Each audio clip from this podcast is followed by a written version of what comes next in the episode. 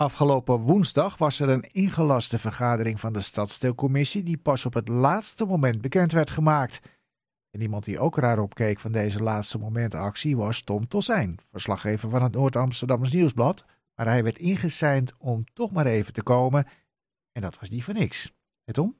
Nee, dat was uh, een plotselinge verrassing op een hele plezierige en uh, onvoorbereide manier. Uh, ik ging met mijn vrouw en mijn zoon naar de bioscoop. Ja. en de buurman.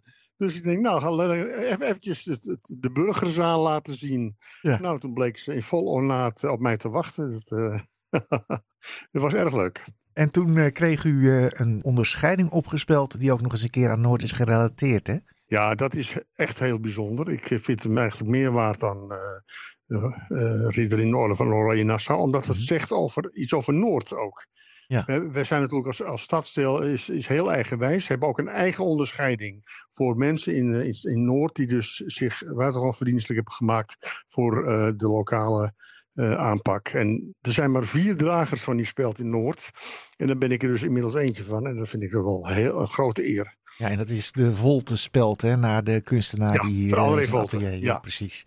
Ja, nou, nou, ja, het feit dat, dat het ook van André Volt is, daar heb ik me ook een beetje tegenaan moeten tegen het museum destijds. En was ook zeer geïnteresseerd in het feit dat het oude atelier van André Volte ook, uh, nou ja, in ere is hersteld. Dus dat is ook hartstikke goed. En we, dus even onze grote kunstenaars van Noord. Daar kun je niet voorzichtig genoeg mee omgaan.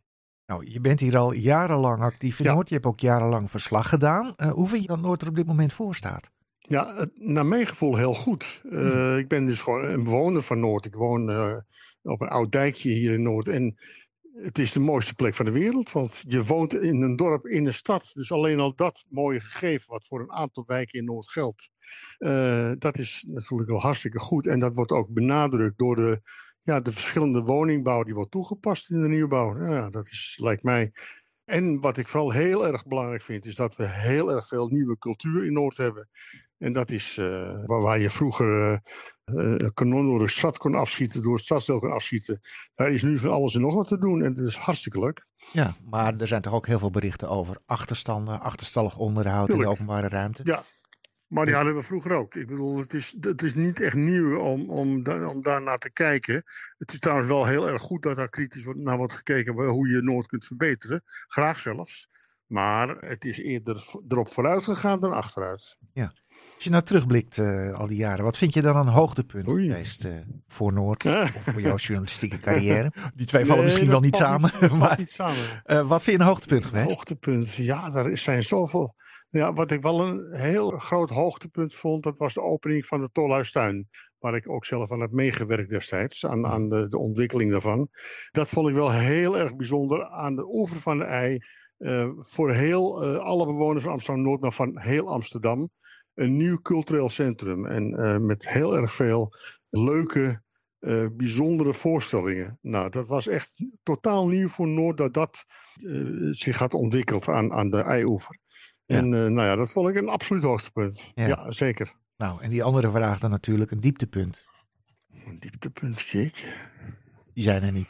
Ik zou, ik, nee, ik, ik zou zo gauw geen dieptepunt weten. Want eigenlijk is alles heel erg goed gegaan de afgelopen decennia in Noord. Dus nee, nee ik zou geen dieptepunt kunnen noemen. Ja, nou, behalve verslaggever ben je ook Noorderling. Hè? Je zegt het al, je woont aan ja. een dijkje. Het is prachtig. Is dat soms niet uh, lastig te combineren? Kun je wel voldoende afstand houden? Nou, dat is wel eens moeilijk, want je, kent als dorpeling als het ware, ken je ook iedereen.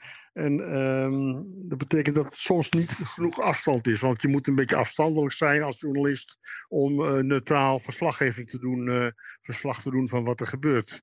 En het zijn ook vaak heel erg sympathieke mensen waar we het over hebben, die ook in de stadsdeelcommissie zitten. Ja, die doen ongelooflijk hun best om er iets moois van te maken. Dus wie ben ik dat ik dat kan, grensloos kan bekritiseren. Dus je moet er altijd wat terughoudend in zijn, maar ook weer niet te aardig, want dan heb je te weinig afstand. Ja. Nou, je bent inmiddels uh, gestopt als uh, politiek verslaggever, ja. hè? Ja. Jammer, ja. Ja, ja, ben je nou niet in een zwart gat uh, terechtgekomen? Nee, ben je juist blij dat je er vanaf bent? nee, zeker niet. Want het is echt, uh, er gebeuren heel erg goede dingen in de stadstelcommissie.